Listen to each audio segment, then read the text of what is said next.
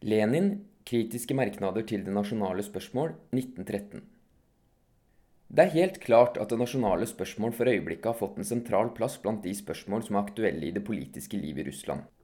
Så vel reaksjonens krigerske nasjonalisme, den kontrarevolusjonære og borgerlige liberalismens overgang til nasjonalisme, særlig da til storrussisk, siden også til polsk, jødisk, ukrainsk nasjonalisme osv., og endelig de stadig sterkere nasjonalistiske svingninger blant forskjellige nasjonale, dvs. Si ikke-storrussiske sosialdemokrater, som er gått så langt som til brudd på partiprogrammet, alt dette vil utvilsomt tvinge oss til å vie det nasjonale spørsmål større oppmerksomhet enn tidligere. Nedenstående artikkel har et spesielt mål, nemlig i allmenne vendinger å behandle marxistenes og de såkalte marxistenes nøling og usikkerhet når det gjelder programmet om det nasjonale spørsmål. I artikkelen 'Liberale og demokrater i språkspørsmålet' i nummer 29 av Severnaya Pravda fra 5.9.1913 behandlet jeg nettopp de liberales opportunisme i det nasjonale spørsmål. I en artikkel i den opportunistiske jødiske avisen Zeit kaster herr F. Liban seg over min artikkel med sterk kritikk. På den annen side har også den ukrainske opportunist herr Lev Jurkevitsj i nummer 7-8 av Zvin kommet med kritikk mot de russiske marxistenes program når det gjelder det nasjonale spørsmål. Begge disse forfattere har berørt så vidt mange spørsmål at jeg er nødt til å gå inn på en rekke forskjellige sider ved vårt tema for å svare dem, og det forekommer meg å være en fordel å begynne med å trykke opp igjen min artikkel fra Severnaya Pravda. 1. Liberale og demokrater i språkspørsmålet. Avisen har gjentatte ganger fremhevet rapporten fra den kaukasiske guvernøren, en rapport som ikke utmerker seg ved sine sorte hundreånd, men ved sin fryktsomme liberalisme. Guvernøren uttaler seg for øvrig imot en kunstig russifisering av de ikke-russiske folkeslag. I Kaukasus går de ikke-russiske folkeslagene selv inn for å lære sine barn russisk, f.eks. i de armenske kirkeskoler, hvor russisk ikke er obligatorisk fag. En av de mest utbredte liberale aviser i Russland, Ruskoje Slovo nummer 198, peker på akkurat dette, og trekker den riktige slutning at den fiendtlige holdningen i Russland til det russiske språk utelukkende er en følge av at den søker å innføre russisk med kunstige metoder, det burde vært sagt med tvang. Sitat, Det er ingen grunn til å bekymre seg om det russiske språkets skjebne, det vil selv sørge for å bli anerkjent i hele Russland, sitat slutt, skriver avisen. Og dette er ganske riktig, for behovene for økonomisk samkvem vil alltid få de nasjonaliteter som lever i en stat til å lære seg flertallets språk, i alle fall så lenge de ønsker å leve sammen. Jo mer demokratisk systemet i Russland blir, jo sterkere, hurtigere og mer omfattende vil kapitalismen utvikle seg, og jo mer konsekvent vil behovene for økonomisk samkvem tvinge de forskjellige nasjonaliteter til å lære det språk som er gunstigst for felles handelsforbindelser. Men den liberale avisen skynder seg å slå seg selv på munnen og vise sin liberale inkonsekvens. Sitat selv blant motstanderne av russifisering, skriver den, er det vel neppe noen som har noe å innvende mot at det i en slik veldig stat som Russland bør være ett fellesstatlig språk, og at dette språket bare kan være russisk. Her snur man i sannhet opp ned på logikken. Det lille Sveits taper intet, tvert imot vinner det på at det har ikke ett, men tre fellesstatlige språk, tysk, fransk og italiensk. I Sveits er 70% av befolkningen tysk, i Russland er 43% storrussere. 22% er franskmenn, i Russland er 17% ukrainere. Og 7% italienere, i Russland er 6% polakker og 4,5% hviterussere. Når italienerne i Sveits ofte snakker fransk i parlamentet, så gjør de ikke det fordi de føler seg truet av en eller annen vill politiforordning, som det ikke finnes i Sveits, men ganske enkelt fordi siviliserte borgere i en demokratisk stat foretrekker et språk som flertallet forstår. Fransk fremkaller ikke hat hos italienerne, fordi dette er en fri og sivilisert nasjons språk som ikke påtvinges noen avskyelige politimetoder. Hvorfor skal så det veldige Russland, som er adskillig mer brokete og forferdelig tilbakestående, bremse på sin utvikling ved å beholde noe privilegium for ett av språkene? Er det ikke omvendt, mine herrer liberale? Bør ikke Russland, dersom det ønsker å ta igjen Europa, gjøre slutt på alle slags privilegier så raskt som mulig, så grundig som mulig, så konsekvent som mulig? Dersom alle mulige privilegier bortfaller, dersom man slutter å tvinge gjennom et av språkene, vil alle slavere lett og hurtig lære å forstå hverandre, og de vil ikke frykte den forferdelige tanken om at det vil bli holdt taler på forskjellige språk i parlamentet. Behovene for økonomisk samkvem vil avgjøre hvilket språk flertallet i et gitt land finner fordelaktig å kunne, sett fra et handelsmessig synspunkt. Ettersom denne avgjørelsen blir tatt frivillig av de forskjellige nasjoners folk innen landet, vil den også være mer holdbar, den vil bli tatt raskere og i større omfang, jo mer konsekvent demokratiet vil være, og jo raskere kapitalismen vil utvikle seg som følge av dette. De liberale behandler språkspørsmålet akkurat som de behandler alle andre politiske spørsmål. På hyklersk kjøpmannsvis rekker de den ene hånden åpent fram til demokratiet, mens de bak ryggen rekker den andre hånden til føydalherrene og politiet. Vi er imot privilegier, skriker den liberale, mens han i det skjulte tiltusker seg både det ene og det andre privilegium av føydalherrene. Slik er enhver borgerlig-liberal nasjonalisme, ikke bare den storrussiske, som dog, takket være sin voldskarakter og slektskapet med herrene Purisjkevitsj er verre enn alle andre, men også den polske, jødiske, ukrainske, grusinske og en hvilken som helst annen. Under slagordet nasjonal kultur holder borgerskapet av alle nasjonaliteter, både i Østerrike og Russland, i virkeligheten på å splitte arbeiderne og svekke demokratiet, og det inngår ulike former for hestehandel med føydalherrene om å selge folkenes rettigheter og folkenes frihet. Arbeiderdemokratiets slagord er ikke nasjonal kultur, men demokratismens og den verdensomfattende arbeiderbevegelsens internasjonale kultur. La borgerskapet bedra folket med alle slags positive nasjonale program. Den bevisste arbeider vil svare det finnes bare én løsning på det nasjonale spørsmål, i den grad det overhodet er mulig å løse det i kapitalismens verden, en verden av utpressing, krangling og utbytting, og det er en konsekvent demokratisme. Bevis på dette er i Vest-Europa. Sveits et land med en gammel kultur, og i Øst-Europa Finland et land med en ung kultur. Arbeiderդemokratiets nasjonale program går ut på følgende absolutt intet privilegium til noen enkeltnasjon eller noe enkeltspråk. Spørsmålet om nasjonenes politiske selvbestemmelse, dvs. Si deres statlige atskillelse, skal løses på en absolutt fri og demokratisk måte. Vedtak av fellesstatlige lover i kraft av hvilke enkelt tiltak, det være seg på land, i by eller av kommunal art osv., osv., ville kunne føre til noen form for privilegium for en enkelt nasjon, eller til krenkelse av nasjonenes likerett eller et nasjonalt mindretalls rettigheter, erklæres ulovlig og ugyldig, og enhver statsborger har full rett til å kreve ethvert slikt tiltak opphevet som forfatningsstridig, samt rettslig forfølgelse av dem som eventuelt ville sette et slikt vedtak ut i livet. Opp mot den nasjonale kranglingen mellom de forskjellige borgerlige partiene pga. språkspørsmålet osv. må arbeiderdemokratiet sette følgende krav. At arbeidere av alle nasjonaliteter som en motvekt mot enhver form for borgerlig nasjonalisme viser absolutt enhet og slutter seg sammen i alle slags arbeiderorganisasjoner, i fagorganisasjoner, i samvirkelag, i forbrukerorganisasjoner, opplysningsorganisasjoner og andre.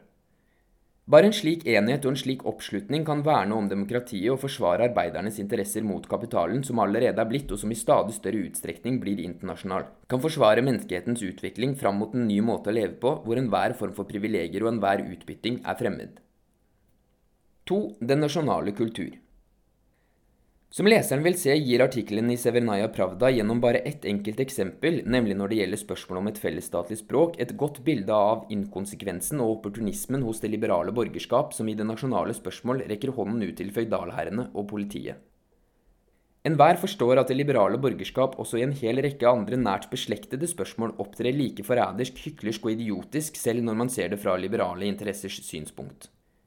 Hvilken slutning kan man så trekke av dette? Jo, den slutning at enhver borgerlig-liberal nasjonalisme sår enorm fordervelse blant arbeiderne og påfører friheten og den proletariske klassekamp veldig skade. Dette er desto farligere som den borgerlige og den borgerlige føydalistiske tendens dekker seg bak slagordet nasjonal kultur. I den nasjonale kulturens navn, i den storrussiske, polske, jødiske, ukrainske og andre kulturers navn begår de sorte hundrers menn og presteskapet, og dessuten også borgeren, bourgeoisen, i alle nasjoner reaksjonære og skitne handlinger. Slik er kjensgjerningene i dagens nasjonale liv dersom man ser på dem marxistisk, dvs. Si fra klassekampens synspunkt. Dersom man sammenholder slagordene med klasseinteresser og klassepolitikk, og ikke med tomme, allmenne prinsipper, deklamasjoner og fraser. Parolen om den nasjonale kultur er et borgerlig, og ofte også et sorte hundres og geistlig bedrag. Vårt slagord er demokratismens og den verdensomfattende arbeiderbevegelsens internasjonale kultur. Her blåser imidlertid bondisten Liebmann de Kamp og knuser meg med følgende drepende tirade. Sitat. Enhver som har i det minste litt kjennskap til det nasjonale spørsmål, vet at en internasjonal kultur ikke er noen ikke-nasjonal kultur, en kultur uten nasjonal form. En ikke-nasjonal kultur som skulle være verken russisk, jødisk eller polsk, men bare en ren kultur, er en meningsløshet. Arbeiderklassen kan nemlig oppta og føle noe for de internasjonale ideer bare når de tilpasses det språk arbeideren snakker og de konkrete nasjonale forhold han lever under. Arbeideren må ikke stille seg likegyldig til hvilken stilling hans nasjonale kultur står i, og hvordan den utvikler seg, fordi det er gjennom den, og bare gjennom den, han får mulighet til å ta del i demokratismens og den verdensomfattende arbeiderbevegelsens internasjonale kultur. Dette har vært kjent lenge, men VI vil overhodet ikke vite noe om alt dette. Se litt på dette typiske bondistresonnementet som, om han tillater meg, ta sikte på å tilintetgjøre den marxistiske tesen jeg har lagt frem. Med en usedvanlig selvsikkerhet som et menneske vel bevandret i det nasjonale spørsmål, legger her bondisten frem ganske alminnelige borgerlige synspunkter som om de skulle være for lengst kjente sannheter. Nei, den internasjonale kultur er ikke ikke-nasjonal, herr ærede bundist. Det er det heller ingen som har sagt. Ingen har proklamert noen ren kultur, verken polsk, jødisk, russisk eller noen annen, så deres tomme opphopning av ord er bare et forsøk på å avlede leserens oppmerksomhet og dekke over sakens kjerne med vakre fraser. I enhver nasjonal kultur finnes det, om enn uutviklede elementer av en demokratisk og sosialistisk kultur, fordi det i enhver nasjon finnes en arbeidende og utbyttet masse hvis levevilkår uunngåelig fremkaller en demokratisk og sosialistisk ideologi. Men i enhver nasjon finnes det også en borgerlig kultur, og i de fleste endatil en De sorte hundres og en geistlig kultur, og den finnes ikke i form av elementer, men som den herskende kultur. Den nasjonale kultur som sådan er derfor godseiernes, presteskapets og borgerskapets kultur. Denne grunnleggende sannhet, som er ren ABC for en marxist, har bondisten latt bli igjen i skyggen, har han dekket over med sine vakre ord. For å hindre en avsløring og en forklaring av denne klassemessige avgrunn, har han fordunklet det hele for leseren. Bondisten har i virkeligheten opptrådt som en representant for borgerskapet, i hvis interesser det er å spre troen på at det finnes en nasjonal kultur som står utenfor klassene.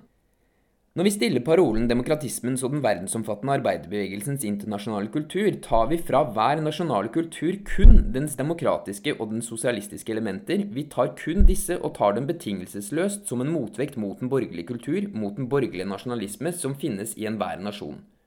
Ingen demokrat, og enda mindre noen marxist, vil benekte språkenes likestilling eller nødvendigheten av å polemisere på morsmålet sitt mot sitt eget borgerskap og propagandere antiklerikale og antiborgerlige ideer blant sin egen bondestand og sitt eget småborgerskap. Dette er overhodet ikke noe å snakke om engang. Med disse selvfølgeligheter forsøker bundisten bare å dekke over det striden gjelder, dvs. Si det spørsmålet i virkeligheten dreier seg om. Spørsmålet dreier seg om hvorvidt marxister kan tillate seg direkte eller indirekte å stille parolen om den nasjonale kultur, eller om de er forpliktet til på alle språk og gjennom å tilpasse seg alle lokale og nasjonale særegenheter og gå imot den og isteden propagandere for parolen om arbeidernes internasjonalisme. Betydningen av parolen om den nasjonale kultur bestemmes ikke ved at en eller annen intellektuell verken lover eller har de aller beste planer om å tolke denne parolen i betydningen av å gjennomføre den internasjonale kultur gjennom den, å se det slik ville være barnslig subjektivisme. Betydningen av parolen om den nasjonale kultur bestemmes av de objektive forhold mellom alle klasser i et gitt land og alle land i verden. Borgerskapets nasjonale kultur er en kjensgjerning, og jeg gjentar at borgerskapet overalt gjør hestehandel med godseierne og presteskapet. Den krigerske borgerlige nasjonalisme som fordummer, narrer og splitter arbeiderne for at borgerskap skal kunne holde dem i tømmene, det er den viktigste kjensgjerning i nåtiden.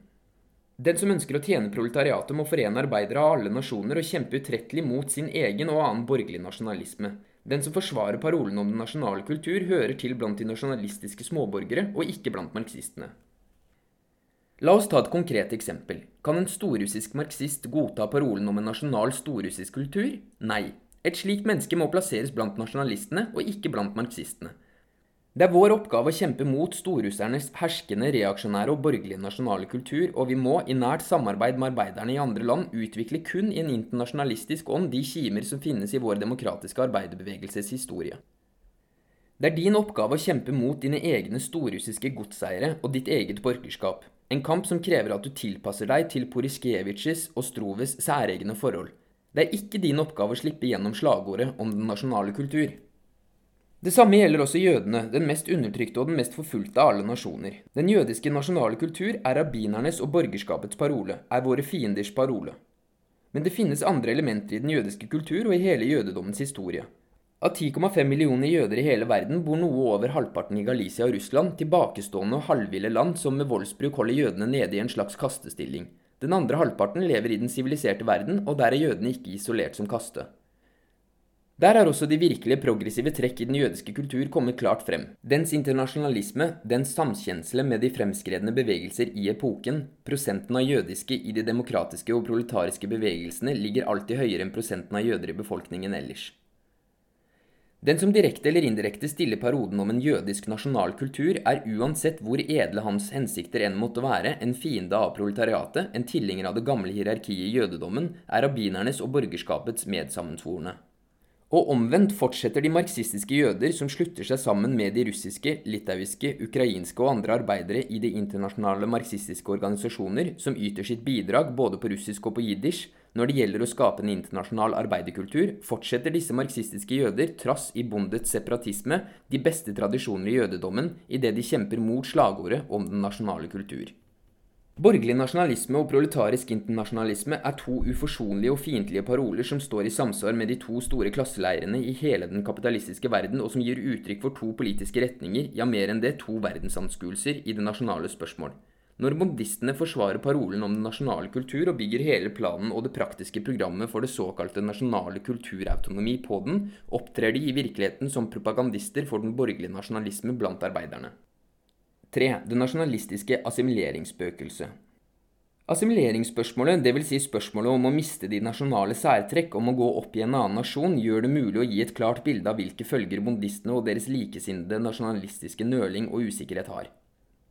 Herr Liebmann, som gjenga og gjentok bondistenes vanlige argumenter, eller rettere sagt knep, ganske riktig karakteriserte kravet om at arbeiderne av alle nasjonaliteter innen en gitt stat måtte vise enhet og slutte seg sammen i felles arbeiderorganisasjoner, se slutten på artikkelen i Severnaya Pravda, som en gammel assimileringsskrøne.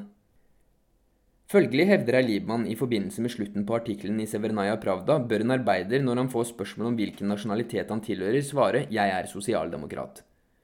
Dette anser vorbondist for å være toppen av gløgghet.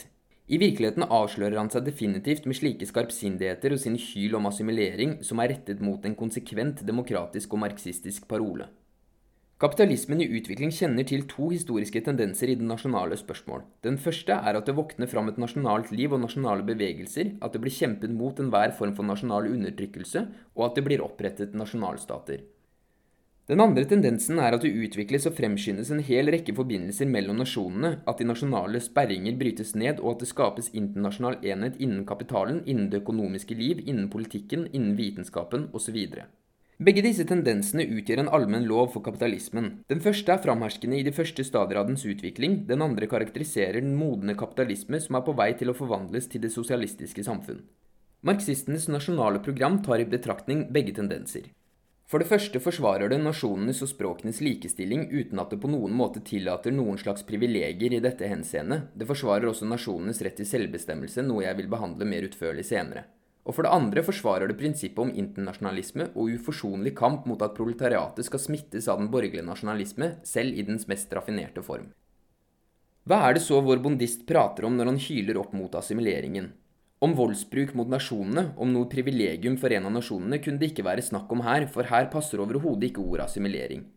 Alle marxister har nemlig hver for seg og som en offisiell enhet helt bestemt og utvetydig fordømt den minste vold og tvang, undertrykkelse og ulikhet mot noen nasjon. Og i artikkelen i Severnaya Pravda som vår buddhist har kastet seg over, er denne allmennmarxistiske tanke lagt frem med absolutt bestemthet. Nei, her er det umulig å vri seg unna. Herr Liebmann har gått i angrep på assimileringen, men legger i dette begrepet ikke voldsbruk, ikke ulikhet, ikke privilegier. Er det da noe reelt igjen i begrepet assimilering, når man har tatt vekk enhver voldsbruk og enhver ulikhet? Utvilsomt. Den verdenshistoriske tendens i kapitalismen blir igjen, som fører til at nasjonale sperringer brytes ned, til at nasjonale forskjeller viskes ut, til at nasjoner assimileres, en tendens som blir stadig klarere for hvert tiår en tendens som er en av de mektigste drivkrefter som forvandler kapitalismen til sosialisme. Den er ikke marxist, ja, ikke engang demokrat, som ikke anerkjenner og forsvarer nasjonenes og språkenes likestilling, som ikke kjemper mot enhver nasjonal undertrykkelse eller ulikhet. Dette er det ingen tvil om, men det er like liten tvil om at den såkalte marxist, som av full hals skjeller ut en marxist fra en annen nasjon for assimilering, i virkeligheten ganske enkelt bare er en nasjonalistisk småborger. Til denne lite respektable kategorien mennesker hører samtlige bondister og, som vi skal få se, de ukrainske nasjonalsosiale av typen Jurkevitsj, Dontsov og co. For å vise konkret hvor reaksjonære synspunktene til disse nasjonalistiske småborgerne er, vil vi føre i marken tre forskjellige eksempler. De som skriker høyest mot de russiske ortodokse marxistenes assimilering, er de jødiske nasjonalister i Russland i sin alminnelighet, og bondistene i særdeleshet. Som det imidlertid fremgår av ovennevnte opplysninger, bor om lag halvparten av de 10,5 millioner jøder som finnes i hele verden, i den siviliserte verden, dvs. Si under forhold hvor de i høyeste grad er assimilert, mens de ulykkelige og rettsløse jødene i Russland og Galicia, som blir forfulgt og undertrykt av russiske og polske puriskevitsjer, lever under forhold hvor de i uhyre liten grad er assimilert, hvor de tvert imot i høyeste grad er isolert og lever i jødiske gettoer etter prosentnormer og lignende sjarmerende puriskevitsjske regler og forordninger. Jødene i den siviliserte verden er ingen nasjon, de er stort sett assimilert, sier Kåkowski og Obauer. Jødene i Galicia og Russland er heller ingen nasjon, her er de dessverre, og det er ikke deres skyld, men poriskevitsjenes ennå en kaste. Slik vurderer folk det, som uten tvil kjenner jødedommens historie, og som tar hensyn til ovennevnte kjensgjerninger. Og hva forteller disse kjensgjerningene? Jo, at det er bare de småborgerlige jødiske reaksjonære som kan skrike opp mot assimileringen. Det er de som ønsker å dreie historiens hjul bakover, som ønsker å få det til å bevege seg, ikke fra tilstandene slik de er i Russland og Galicia og i retning av de forholdene som hersker i Paris og New York, men omvendt. De verdenshistorisk berømte og beste representanter for jødedommen, som har gitt verden en rekke av demokratiets og sosialismens mest fremtredende ledere, har aldri skreket opp mot assimileringen. Det er bare de som betrakter baksiden av jødedommen med ærbødighet, som hyler opp mot assimileringen. Tar man for seg opplysningene om emigrasjonen til USA, kan man få en tilnærmet forestilling av i hvilken målestokk nasjonene assimileres under dagens fremskrevne kapitalistiske forhold. I tiårsperioden 1891 til 1900 forlot 3,7 millioner mennesker Europa og dro til USA. For perioden 1901 til 1909 var tallet 7,2 millioner. Folketellingen i 1900 visste at det bodde over 10 millioner utlendinger i USA. Staten New York, hvor det ifølge den samme folketellingen var over 78 000 østerrikere, 136 000 engelskmenn, 20 000 franskmenn, 480 000 tyskere, 37 000 ungarere, 425 000 irlendere, 182 000 italienere, 70 000 polakker, 166 000 fra Russland, flesteparten jøder, 43 000 svensker osv., ligner på en mølle som maler sammen de nasjonale forskjeller. Og det som skjer i stor internasjonal målestokk i New York, skjer også i hver eneste stor by og landsby hvor det finnes fabrikker. Den som ikke vasser i nasjonalistiske fordommer, kan ikke unngå å se at denne assimileringen av nasjoner som skjer under kapitalismen, er et veldig historisk fremskritt som gjør slutt på den nasjonale tilbakeliggenhet på de forskjellige gudsforlatte plasser, særlig da i slike tilbakestående land som Russland. Ta Russland og storrussernes forhold til ukrainere. Det sier seg selv at enhver demokrat, for ikke å snakke om en marxist, vil kjempe besluttsomt mot den uhørte ydmykelsen av ukrainere og kreve full likestilling for dem. Men det ville være et direkte forræderi mot sosialismen og en dum politikk selv sett fra ukrainernes borgerlige nasjonale oppgaver å svekke den forbindelsen og det forbundet som nå finnes mellom det ukrainske og det storrussiske proletariat innenfor rammene av én stat. Herr Lev Jurkevitsj, som også kaller seg marxist, stakkars Marx, gir et godt bilde av denne dumme politikken. I 1906, skriver Jurkevitsj, hevdet Sokolovskij, Basok og Lukasjevitsj Tutsjapskij at det ukrainske proletariat var fullstendig russifisert og ikke hadde behov for noen egen organisasjon. Uten engang å gjøre et forsøk på å legge frem en eneste kjensgjerning om selve kjernen i saken, kaster herr Jurkevitsj seg over disse to for dette og skriker hysterisk, fullstendig i stil med den mest primitive, imbesile og reaksjonære nasjonalisme, om at dette liksom skulle være en nasjonal passivitet, nasjonal overgivelse, at disse folkene har splittet de ukrainske marxister osv. Trass i at den nasjonale ukrainske bevissthet blant arbeiderne er steget, skriver Jurkevitsj, er det likevel et mindretall av arbeiderne som er nasjonalt bevisste, mens flertallet ennå står under innflytelse av den russiske kultur. Og vi må, utbryter denne nasjonalistiske småborgeren, sitat, ikke gå etter massene, men føre dem etter oss og forklare dem de nasjonale oppgaver, den nasjonale sak. sitat slutt. Hele dette resonnementet til herr Jukevic er tvers igjennom borgerlig nasjonalistisk. Og selv om man ser på det fra de borgerlige nasjonalistenes synspunkt, og det er kjent at blant dem er det noen som ønsker fullstendig likestilling og autonomi for Ukraina, mens andre vil ha en uavhengig ukrainsk stat, så står ikke dette resonnementet for kritikk. Den storrussiske og polske godseierklassen samt borgerskapet i de to nasjonene er motstandere av ukrainernes frigjøringsbestrebelser. Hvilken samfunnskraft er i stand til å slå tilbake disse klassene? Det første tiåret av det 20. århundret har faktisk gitt svaret. Kun arbeiderklassen i forbund med den demokratiske bondestand kan utgjøre denne kraft. I sine forsøk på å splitte og dermed svekke den virkelig demokratiske styrke, som vil umuliggjøre enhver nasjonal voldsbruk når den seirer, forråder herr Jurkevitsj ikke bare demokratiet som sådan, men også sitt fedreland Ukraina. Dersom de storrussiske og ukrainske proletarene opptrer samlet og i enhet, er et fritt Ukraina mulig. Uten en slik samling og enhet er det fullstendig umulig. Men marxister nøyer seg ikke med borgerlig-nasjonalistiske standpunkter. I flere tiår allerede har det gått for seg en stadig raskere økonomisk utvikling i sør, dvs. Si i Ukraina. Dette har trukket ti og hundretusener av bønder og arbeidere fra Stor-Russland til gruvene og byene her. Det er ingen tvil om at det innenfor disse områder har skjedd en assimilering av det storrussiske og det ukrainske proletariat. Og dette er en uomtvistelig progressiv kjensgjerning. Istedenfor den sløve, tilbakestående, isolerte, gudsforlatte og halvville storrussiske eller ukrainske gubbe, har kapitalismen gitt oss en bevegelig proletar hvis levevilkår er i ferd med å bryte ned det spesifikt nasjonale sneversyn hos både storrussere og ukrainere. Sett at det med tiden vil bli en statsgrense mellom Storrussland og Ukraina. Også i dette tilfellet vil assimileringen mellom de storrussiske og de ukrainske arbeiderne historisk sett være absolutt progressiv, akkurat som sammensmeltingen av nasjonene i Amerika er progressiv. Jo friere Ukraina og Stor-Russland blir, jo raskere og mer omfattende blir utviklingen av kapitalismen, som da i enda sterkere grad vil komme til å trekke arbeidere av alle nasjonaliteter fra alle områder av staten til byene, malmleiene og fabrikkene. Kapitalismen ville også ha trukket arbeidskraft fra alle nabostater om når Russland hadde vært en nabostat i Ukraina, til byene, gruvene og fabrikkene. Når herr Lev Jurkevitsj forkaster samkvem med sammensmeltingen og assimilasjonen mellom de to nasjonenes proletariat til fordel for en kortsiktig fremgang for den ukrainske nasjonale sak, opptrer han som en virkelig representant for borgerskapet, og da som en kortsynt, sneversynt og tåpelig sådan, dvs. Si som en småborger. Den nasjonale sak kommer først, så kommer proletariatet, sier de borgerlige nasjonalister og herrene Jurkevitsj, Dontsov og andre såkalte marxister etter dem. Proletariatets sak må komme foran alt, sier vi, fordi det er den som sikrer ikke bare arbeidets vitale interesser på lang sikt, den trygger også menneskehetens interesser og demokratiets interesser, og uten demokrati er et autonomt og uavhengig Ukraina ganske utenkelig. I herr Jurkevitsjs resonnement, som for øvrig er usedvanlig rikt på nasjonalistiske perler, er det enda en ting en bør merke seg. Et mindretall av de ukrainske arbeiderne er nasjonalt bevisste, skriver han, mens flertallet ennå står under innflytelse av den russiske kultur, når det gjelder proletariatet, så betyr det å stille den ukrainske kultur som sådan opp mot den storrussiske kultur som sådan at man skamløst forråder proletariatets interesser til fordel for borgerlig nasjonalisme. Til alle nasjonalsosiale sier vi at i enhver moderne nasjon finnes to nasjoner. I enhver nasjonal kultur finnes det to nasjonale kulturer. Vi har Pyrskjevitsjnes, Gutsjkovenes og Stroves storrussiske kultur, men vi har også en storrussisk kultur som karakteriseres av navn som Tsjernysjevskij og Plekanov.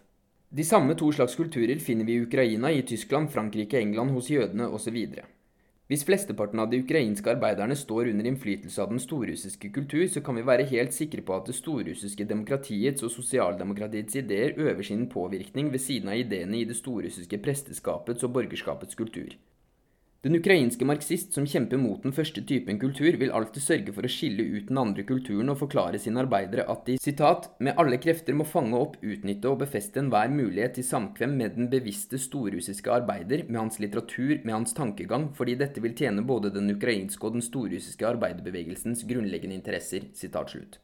Dersom den ukrainske marxist lar seg rive med av det helt rettmessige og naturlige hat til de storrussiske undertrykkerne i så stor grad at han fører bare en aldri så liten del av dette hatet over på de storrussiske arbeidernes proletariske kultur eller proletariske sak, eller bare stille seg fremmede overfor dem, vil denne marxist ganske raskt havne i den borgerlige nasjonalismens myr. Akkurat på samme måte vil også en storrussisk marxist havne i nasjonalismen, så ikke bare i den borgerlige, men i den reaksjonære nasjonalismens myr, dersom han bare et eneste øyeblikk glemmer kravet om full likestilling for ukrainerne eller deres rett til å danne en selvstendig stat.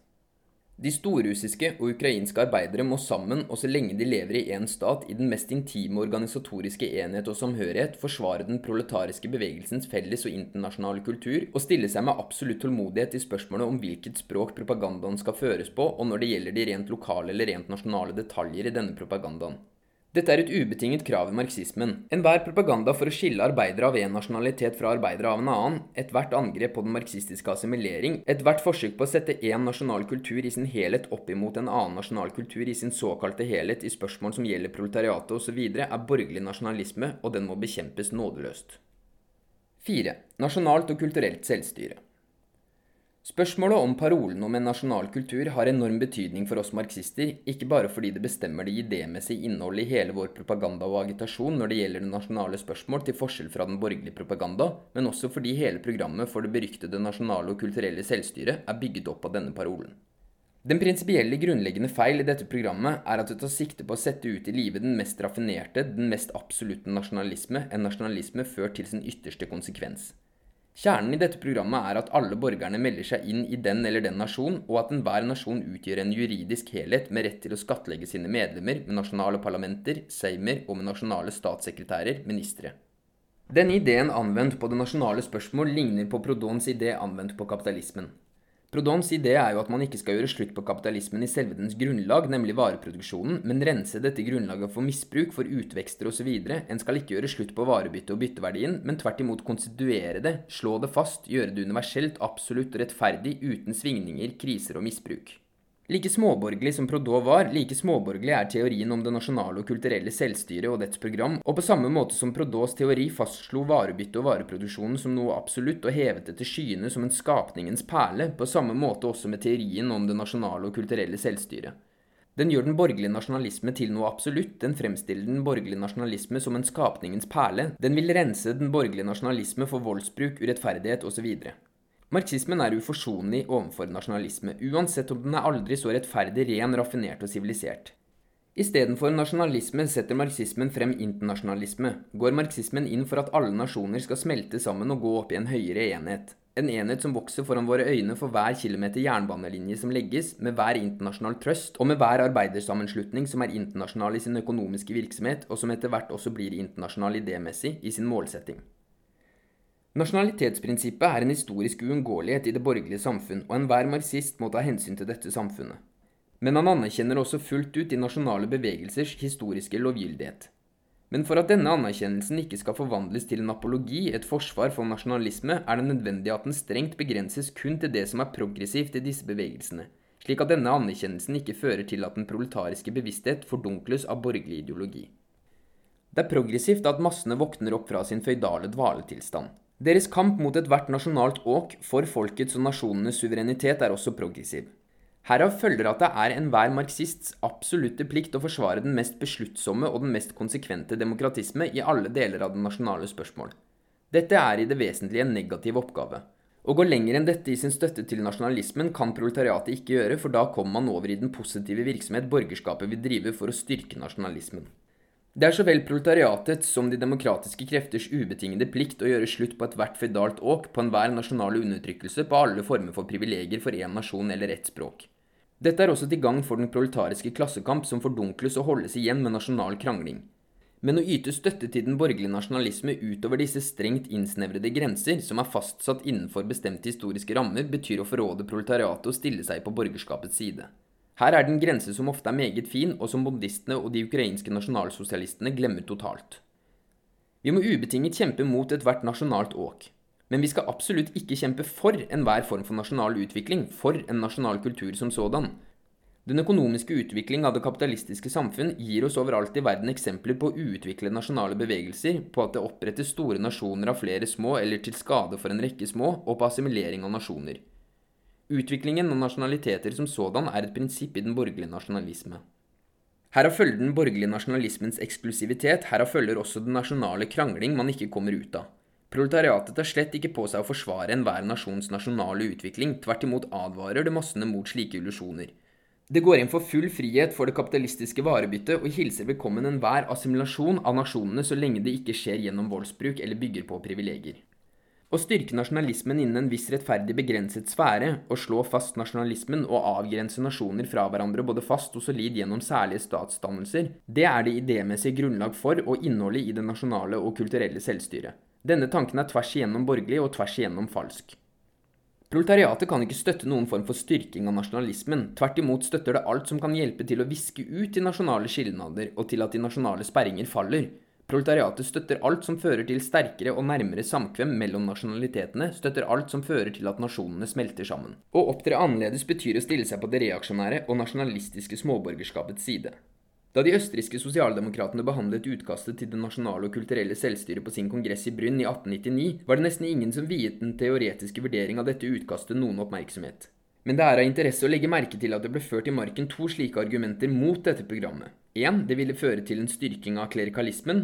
2. Sitat, et resultat av dette programmet ville være at sjåvinismen ville bli foreviget, at den ville bli innført i ethvert lite fellesskap i enhver liten gruppe. Sitat slutt. Det er ingen tvil om at den nasjonale kultur i den vanlige betydningen av dette ordet, dvs. Si skoler osv., på det nåværende tidspunkt stort sett står under innflytelse av de geistlige og av de borgerlige sjåvinister i alle land i verden. Når bondistene i sitt forsvar av det nasjonale og kulturelle selvstyret sier at det å stadfeste nasjonene forfatningsmessig vil rense klassekampen innenfor dem for alle slags irrelevante ideer, så er dette en klar og latterlig sofistikk. I ethvert kapitalistisk samfunn føres den alvorlige klassekamp først og fremst på det økonomiske og det politiske området. Å skulle skille skolen ut fra dette området er for det første en tåpelig utopi, ganske enkelt fordi det overhodet ikke er mulig å se skolen, akkurat som det er umulig å se den nasjonale kultur som sådan, isolert fra økonomien og politikken. For det andre er det nettopp det økonomiske og politiske liv i et kapitalistisk land som over hele linjen bryter ned de latterlige og foreldede nasjonale sperringer og fordommer. Å skille ut skolespørsmålet og lignende ville derfor bare konservere, skjerpe og styrke den rene klerikalisme og den rene borgerlige sjåvinisme. I aksjeselskapene sitter kapitalister av forskjellig nasjonalitet sammen i skjønn forening. På fabrikkene arbeider folk av forskjellig nasjonalitet sammen. I ethvert virkelig alvorlig og dyptgående politisk spørsmål skjer gruppering etter klasser og ikke etter nasjonalitet. Å ta skolespørsmål og andre lignende saker ut av statens kontroll og plassere dem under nasjonal kontroll innebærer nettopp at man forsøker å skille ut fra økonomien, som forener nasjonen, det området av samfunnslivet som faktisk er mest ideologisk, det området hvor det er lettest å drive en ren nasjonal kultur eller en nasjonal kultus av klerikalisme og sjåvinisme. I sin praktiske gjennomføring ville planen om det eksterritorielle, dvs. Si det som ligger utenfor eller som ikke er forbundet med det territorium på hvilket de ulike nasjonaliteter lever, eller det nasjonale og kulturelle selvstyret, bare bety én ting, nemlig at man vil dele skolevesenet inn etter nasjonalitet, dvs. Si innføre nasjonale kurier i skolesaker. Det er tilstrekkelig å forestille seg dette reelle kjernepunktet i den berømte bondistplanen for å skjønne hvor tvers igjennom reaksjonær den er, selv fra demokratiets synspunkt, og for ikke å snakke om dersom en ser det fra den proletariske klassekampens synspunkt. Et eksempel på nasjonalisering av skolestellet viser klart hva det her dreier seg om. I Nord-Amerikas forente stater er fortsatt samtlige stater delt inn i nordstater og sørstater. De førstnevnte har de største frihetstradisjoner og de største tradisjoner når det gjelder kampen mot slaveriet. De sistnevnte har størst tradisjoner når det gjelder slavehold, når det gjelder forfølgelse av negrene, og når det gjelder å holde negrene nede både økonomisk og kulturelt. Det er 44% analfabetisme blant negrene mot 6% blant de hvite, osv. I nordstatene har man spesielle nasjonale eller rasemessige, kall det hva man vil, skoler for negrene. Dette er visstnok det eneste eksempel på nasjonalisering av skolen i praksis.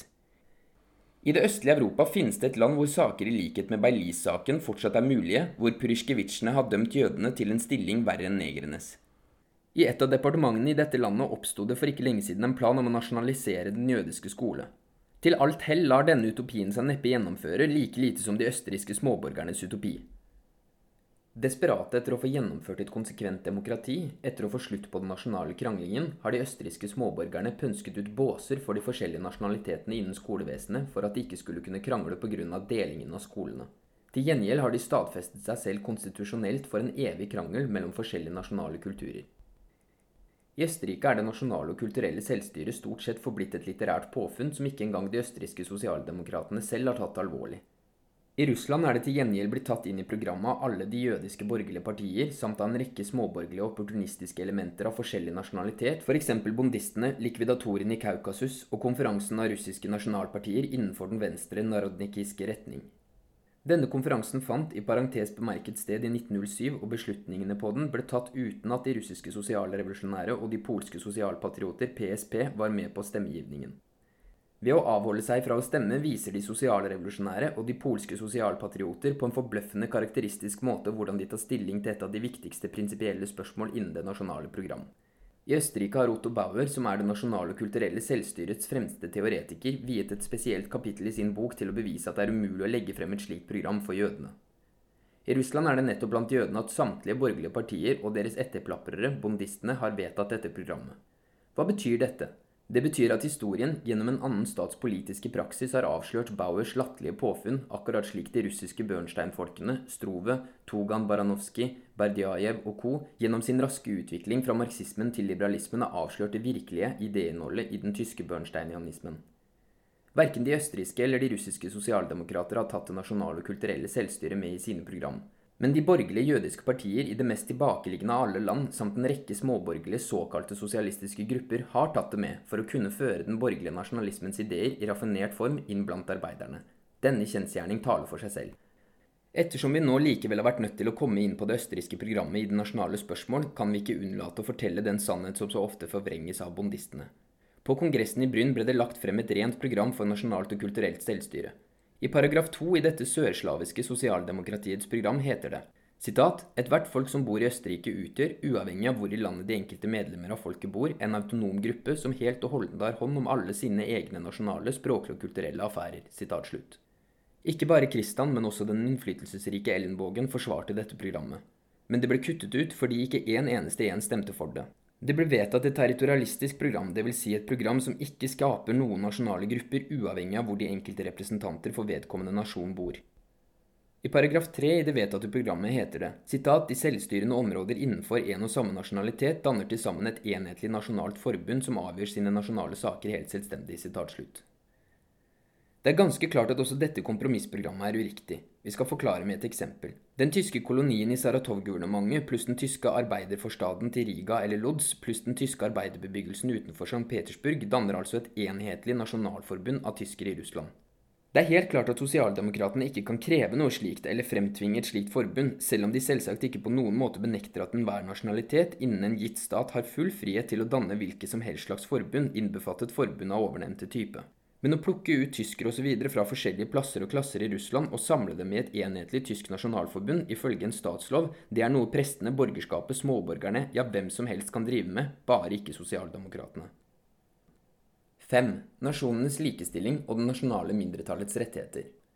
Det knepet de russiske opportunister gjør mest bruk av når de drøfter det nasjonale spørsmål, er å henvise til Østerrike. I min artikkel i Severnaya Pravda som opportunistene herr Semkovskij i Novaja Rabotiaja Gazeta og herr Liebmann i Zeit kastet seg over, hevdet jeg at det finnes bare én løsning på det nasjonale spørsmål, i den utstrekning det overhodet er mulig å løse det i kapitalismens verden, og det er en konsekvent demokratisme. Som bevis henviser jeg bl.a. til Sveits. Denne henvisningen liker ingen av de to ovenfornevnte opportunister som prøver å tilbakevise den eller svekke betydningen av den. Kautsky, skjønner dere, skal ha sagt at Sveits er et unntak. I Sveits har man, heter det, en særlig desentralisering. Landet har en spesiell historie, spesielle geografiske betingelser, den fremmedspråklige befolkningens bosetting er usedvanlig spesiell, osv., osv. Dette er ikke noe annet enn forsøk på å vri seg unna det striden egentlig dreier seg om. Selvsagt er Sveits et unntak i den betydning at det ikke er en homogen nasjonalstat. Men det samme unntaket, eller tilbakeliggenhet, legger Kautsky til, finner vi også i Østerrike og Russland. Når det gjelder Sveits, er saken ganske enkelt den at de helt særegne historiske forhold har sikret befolkningen en større grad av demokrati enn i flesteparten av dets europeiske naboland. Men hva angår dette saken, når det det dreier seg om er et mønster man må søke å ta etter? Over hele verden er det under dagens forhold slik at ethvert land hvor det er bygget opp en eller annen institusjon på konsekvent demokratisk grunnlag, er et unntak. Men skal da det være til hinder for at vi, i vårt program, skal forsvare et konsekvent demokrati i alle institusjoner? Det som setter Sveits i dets særstilling, er dets historie, dets geografiske betingelser og andre forhold. Det som setter Russland i dets særstilling, er at dets proletariat har en styrke en ikke har sett maken til noe sted hittil i de borgerlige revolusjoners epoke, samt landets forferdelige tilbakeliggenhet over hele linjen, noe som objektivt fremkaller nødvendigheten av en ualminnelig rask og besluttsom fremmarsj under trusselen om alle mulige slags ulemper og nederlag. Vi utarbeider vårt nasjonale program ut fra proletariatets synspunkt. Fra når er det man har begynt å ta de dårligste eksempler istedenfor de beste som mønster? Men er det ikke i alle tilfeller et uomtvistelig og ubestridelig faktum at nasjonal fred under kapitalismen er oppnådd, i den grad det overhodet er oppnåelig, utelukkende i land med konsekvent demokrati? Ettersom dette er uomtvistelig, er det klart at opportunistenes standhaftige henvisninger til Østerrike istedenfor Sveits bare er et typisk kadettknep. For kadettene tar jo alltid fra de dårligste og ikke de beste av de europeiske forfatninger. I Sveits er det tre offisielle språk, men ved alle folkeavstemminger trykkes lovutkastene på fem språk, dvs. Si ved siden av de tre offisielle språkene, også på to romanske dialekter. Ifølge folketellingen i 1900 var det av landets 3 315 443 innbyggere 38 651 personer, eller noe over 1% som snakket disse to dialektene. I hæren gis offiserene og underoffiserene 'omfattende frihet til å henvende seg til soldatene på deres eget morsmål'. I kantonene Graubünden og Wallis, som begge har noe over 100 000 innbyggere, nyter begge dialekter full likestilling. En kan spørre seg selv om vi bør propagandere og forsvare denne levende erfaring fra et fremskredent land, eller ta fra østerrikerne påfunn av typen eksterritorielt selvstyre som ikke har prøvd noe sted i verden, og som østerrikerne selv ennå ikke har vedtatt. Å gå inn for dette påfunnet er det samme som å gå inn for å splitte skolevesenet opp etter nasjonalitet, noe som opplagt er skadelig. Erfaringen fra Sveits viser at det i praksis er mulig, at man der har oppnådd en forholdsvis meget stor grad av nasjonal fred gjennom et igjen forholdsvis konsekvent demokrati i hele staten. Sitat, I Sveits hevder folk som har studert problemet, har man ikke noe nasjonalt spørsmål i østeuropeisk betydning. Selve dette uttrykket nasjonalt spørsmål er ukjent her. Sveits har for lengst gjort seg ferdig med kampen mellom nasjonalitetene. Det gjorde de i årene 1797 til 1803. Sitat slutt. Dette betyr at den store franske revolusjon og dens epoke, som ga den mest demokratiske løsning på de spørsmål som reiste seg i forbindelse med overgangen fra føydalisme til kapitalisme, sånn i forbifarten også greide å løse det nasjonale spørsmål. Så kan jo herrene Simkowski, Liebmann og andre opportunister prøve å påstå at denne utelukkende sveitsiske løsning ikke kan brukes på et hvilket som helst distrikt eller endog del av et distrikt i Russland, hvor det av 200 000 innbyggere er 40 000 som snakker to dialekter, og som ønsker full språklig likestilling i sitt distrikt. Det er kun de konsekvent demokratiske elementer, dvs. Si kun proletarene, innen enhver nasjon som skiller seg ut ved at de går inn for full nasjonal og språklig likestilling, noe som forener dem, ikke etter nasjonalitet, men etter deres streben etter en dyptgående og alvorlig forbedring av hele statssystemet. Og omvendt vil det gå inn for nasjonalt og kulturelt selvstyre, trass i enkelte personers og gruppers aller edleste ønsker, splitte nasjonen og i virkeligheten bringe arbeiderne innen en nasjon nærmere den samme nasjonens borgerskap. Et eksempel er at samtlige borgerlige jødiske partier har vedtatt og anerkjent dette nasjonale og kulturelle selvstyret. Det å sikre et nasjonalt mindretall dets rettigheter er uløselig knyttet til prinsippet om full likestilling. I min artikkel i Severnaya Pravda er dette prinsippet uttrykt nesten akkurat slik det er kommet til uttrykk i den noe senere offisielle og mer nøyaktige beslutning fra marxistenes konferanse. Denne beslutningen krever at citat, det skal tas med i forfatningen en grunnleggende lov som erklærer ugyldig alle slags nasjonale privilegier og alle slags krenkelser av et nasjonalt mindretalls rettigheter. Citat, slutt. Herr Liebmann forsøker å latterliggjøre denne formuleringen i det han spør citat, og hvordan vet man så hva et nasjonalt mindretalls rettigheter består i. Citat, slutt. Hører f.eks. retten til å ha sitt eget pensum i de nasjonale skoler med til disse rettigheter?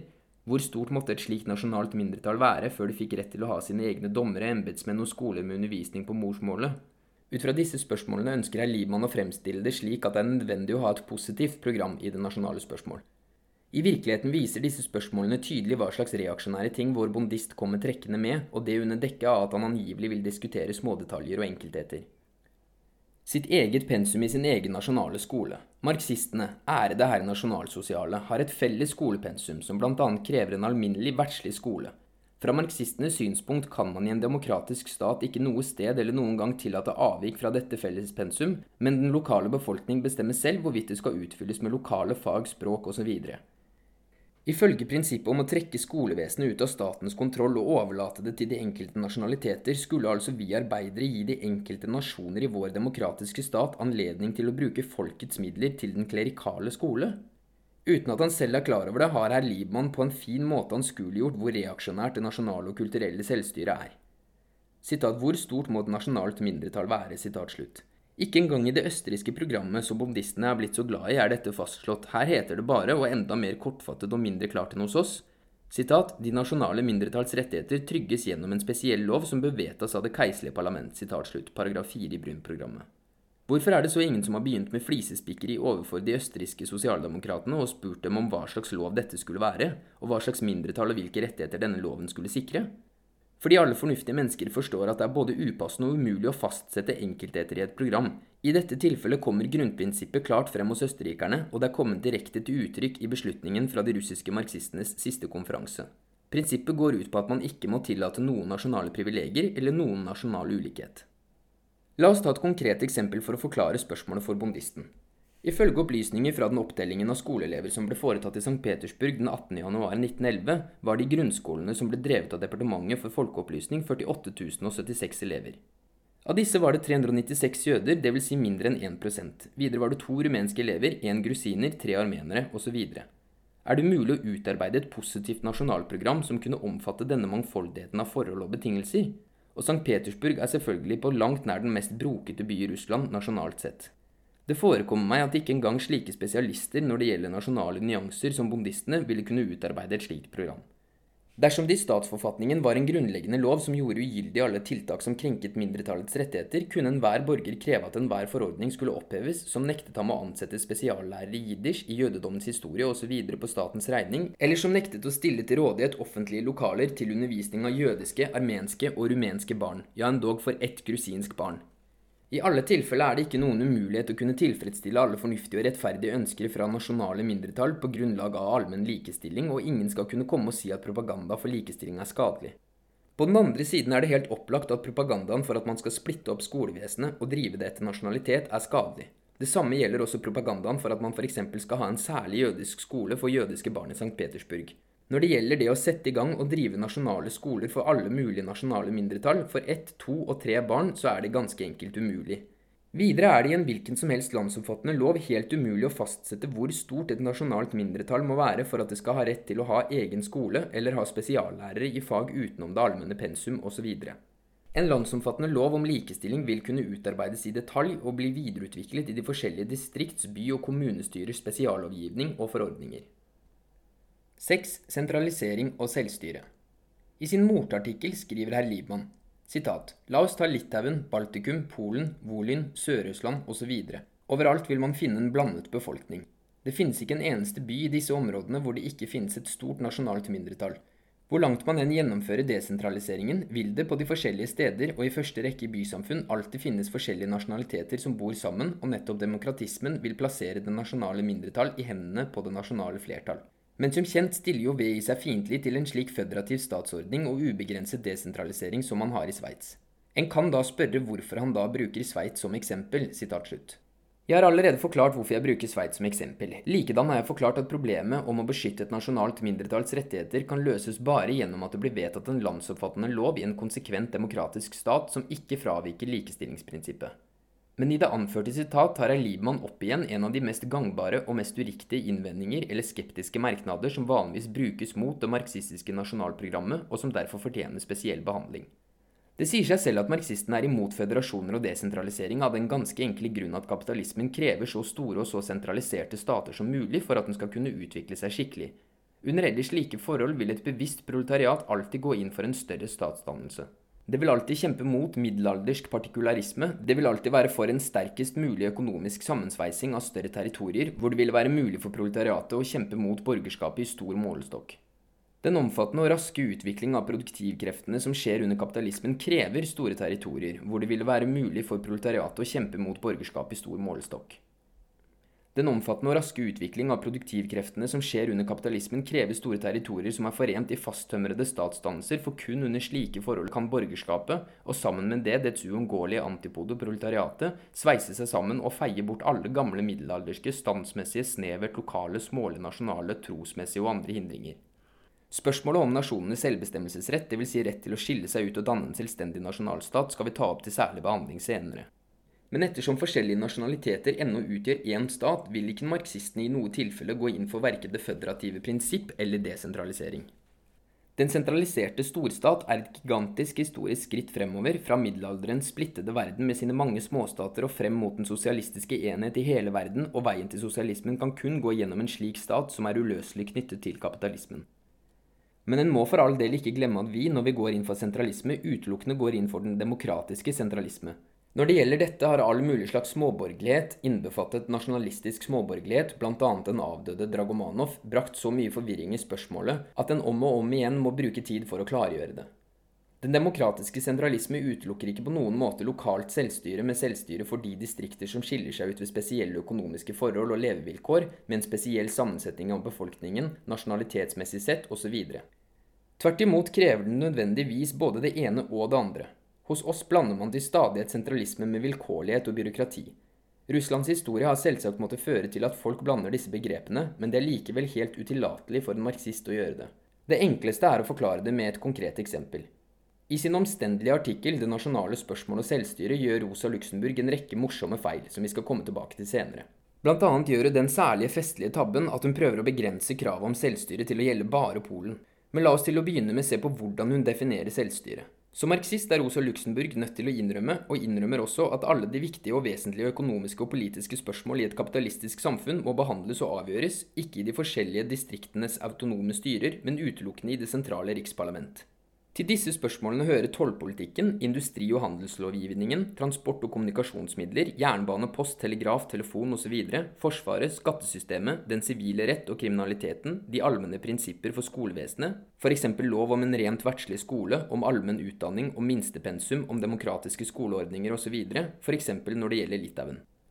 Rosa Luxemburg tar for seg fire guvernementer, nemlig Vilnius, Kaunas, Grodno og Suvalki, og forsikrer leserne og seg selv om at i disse hovedsakelig bor litauere. Når hun så legger sammen befolkningen i disse guvernementene, kommer hun til at litauerne utgjør 23 og plusser en så tsemaitiene til, kommer man opp i 31% eller mindre enn en tredjedel av befolkningen.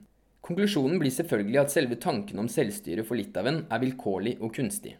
En leser som har noe greie på de velkjente mangler ved vår offisielle russiske statistikk, ser med en gang hvilken feil Rosa Luxemburg gjør seg skyldig i.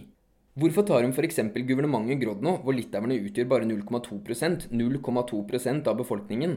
Hvorfor tar hun hele Vilnius-guvernementet, og ikke bare Troki-distriktet, hvor litauerne utgjør flertallet av befolkningen? Og hva er vitsen i å ta hele Suwalki-guvernementet, hvor litauerne utgjør 52% av befolkningen, og ikke bare de litauiske distriktene i guvernementet, dvs. Si fem av syv distrikter, og hvor litauerne utgjør 72% av befolkningen? Det er latterlig å prate om den moderne kapitalismens betingelser og krav, og så ta verken moderne eller kapitalistiske, men de middelalderske, føydalistiske, offentlig byråkratiske, administrative enheter i Russland, og det sågar i deres groveste form, guvernementer og ikke distrikter. Det er klart som dagen at det overhodet ikke kan bli snakk om noen som helst slags alvorlig lokal reform i Russland uten at man gjør slutt på disse enhetene og erstatter dem med virkelig moderne enheter, administrative enheter som er i samsvar med kapitalismens krav, og ikke med det offentliges, ikke med byråkratiets, ikke med det rutinemessiges, ikke med godseiernes, ikke med presteskapets krav. Og blant kapitalismens krav i dag vil en utvilsomt finne kravet om en nasjonalitetsmessig mest mulig homogen befolkning, fordi felles nasjonalitet og språklikhet er en viktig faktor for å kunne erobre hjemmemarkedet og få full frihet for det økonomiske samkvem. Denne åpenbare feilen fra Rosa Luxemburgs side blir nok tatt opp igjen av bondisten med dem, som gjerne vil bevise ikke at Polens særtrekk er noe unntak, men at prinsippet om territorielt nasjonalt selvstyre er uholdbart. Bondistene går jo inn for eksterritorielt nasjonalt selvstyre. Våre bondister og likvidatorer samler over hele verden på alle de feil og opportunistiske mistak som er gjort og gjøres av sosialdemokrater i forskjellige land og av forskjellig nasjonalitet. På den måten samler de seg opp et lager av det absolutt dårligste innen sosialdemokratiet i verden. Til sammen kunne de forskjellige utdrag av bondistenes og likvidatorenes skrifter danne et mønstermuseum for dårlig sosialdemokratisk smak. Regionalt selvstyre doserer med den belærende, passer for større administrative områder og regioner, men ikke for de latviske, estniske og lignende kretser med en befolkning på fra en halv million og opp til to millioner, og på størrelse med et guvernement. Sitatet dette vil ikke være selvstyre, men ganske enkelt zemstvo, valgbart distrikt. Og på dette distriktsområdet måtte man så bygge et virkelig selvstyre. Og så fortsetter forfatteren med å fordømme oppløsningen av de gamle guvernementer og distrikter. I virkeligheten er det opprettholdelsen av de middelalderske, føydalistiske offentlige administrative enheter som bryter ned og vansirer betingelsene for kapitalismen i dag. Bare folk som er gjennomsyret av ånden i denne administrative inndelingen av landet, kan med kjennerens lærde mine gi seg til å fundere på å sette distriktsråd opp mot selvstyre, og så av ren og skjær vanetenkning gå inn for selvstyre for større regioner og distriktsråd for de små. Kapitalismen i dag krever på ingen måte en slik departemental vanetenkning. Hvorfor skulle en ikke ha selvstyrte nasjonale kretser med en befolkning ikke på minst en halv million, men endog med bare 50 000 innbyggere? Hvorfor skulle ikke slike kretser slutte seg sammen på de forskjelligste måter med nabokretser av forskjellig størrelse til et forent selvstyrt område, dersom dette er gunstig, ja direkte nødvendig for det økonomiske samkvem? Alt dette er fortsatt en hemmelighet for bondisten med dem. La oss huske på at det nasjonale programmet sosialdemokratene vedtok på sin kongress i Brynn helt og holdent bygger på nasjonalt territorielt selvstyre. Her foreslår man å dele Østerrike opp i nasjonalt avgrensede kretser istedenfor de historiske kronland, paragraf 2 i Brun-programmet. Så langt ville ikke vi ha gått. Det er ingen tvil om at en nasjonalitetsmessig homogen befolkning er en av de viktigste faktorer for et fritt og omfattende, virkelig moderne handelssamkvem. Det er helt opplagt at ikke en eneste marxist, ja ikke engang en eneste avgjort demokrat, vil gi seg til å forsvare de østerrikske kronland og de russiske guvernementer og distrikter, som riktignok ikke er så ille som de østerrikske kronland, men likevel ille nok, ikke vil gi seg til å bestride nødvendigheten av å erstatte disse foreldrede administrative enhetene med om mulig en inndeling etter den nasjonale sammensetning av befolkningen. Og skal man få gjort slutt på enhver form for nasjonal undertrykkelse, er det like opplagt at det er ytterst viktig å opprette kretser, uansett hvor små de enn måtte bli, der hvor man har en homogen nasjonal befolkning. Og alle folk av denne nasjonalitet måtte, uansett hvor i landet eller hvor på jordkloden de igjen bodde, ha full rett til å føle seg trukket til og tre i en hvilken som helst forbindelse eller fritt forbund med en slik autonom krets. Alt dette er uomtvistelig og kan bare bestrides fra et snevert byråkratisk synspunkt. Befolkningens nasjonale sammensetning er en av de viktigste økonomiske faktorer, men ikke den eneste og ikke den aller viktigste heller. Byene spiller f.eks. en uhyre viktig økonomisk rolle under kapitalismen. Og overalt i Polen, i Litauen, i Ukraina, i Storrussland osv. er det nettopp i byene man finner den mest farverike nasjonale sammensetning av befolkningen. Å skille byene fra de landsbyer og distrikter som økonomisk sett sokner til dem pga. den nasjonalitetsmessige faktor, ville være tåpelig og umulig. Ingen marxist bør derfor stå kategorisk på den nasjonale og territorialistiske prinsipps grunn. Den måten å løse oppgaven på som ble vedtatt på de russiske marxistenes siste konferanse, er langt riktigere enn den østerrikske. På denne konferansen vedtok de russiske marxister følgende tese i dette spørsmålet. Sitat, det er nødvendig å ha et omfattende regionalt autonomi. Sitat, slutt. Selvfølgelig ikke bare for Polen, men for alle områder og distrikter i Russland.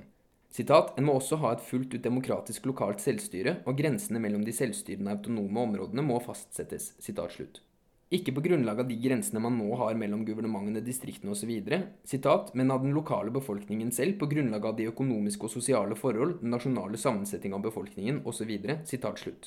Den nasjonale sammensetning av befolkningen er her satt ved siden av andre vilkår, i første rekke økonomiske, deretter sosiale osv., som må tjene som grunnlag når man skal fastsette nye grenser som er i overensstemmelse med den moderne kapitalisme, og ikke med offentlig byråkrati og asiatisk barbari. Kun den lokale befolkning kan vurdere alle disse vilkårene fullt ut, og statens parlament bør så på grunnlag av disse vurderingene fastsette grensene for de autonome regionene og rammene for de autonome seimenes virkefelt. Vi har ennå ikke behandlet spørsmålet om nasjonenes selvbestemmelsesrett. Når det gjelder dette spørsmålet, har en hel gjeng av opportunister av alle nasjonaliteter satt seg for å popularisere Rosa Luxemburgs feil. Det gjelder likvidatoren Zemkowski, bondisten Liebmann og den ukrainske nasjonalsosiale Lev Jurkevitsj. I neste artikkel vil vi ta opp dette spørsmålet som hele denne gjengen har brakt så mye forvirring i.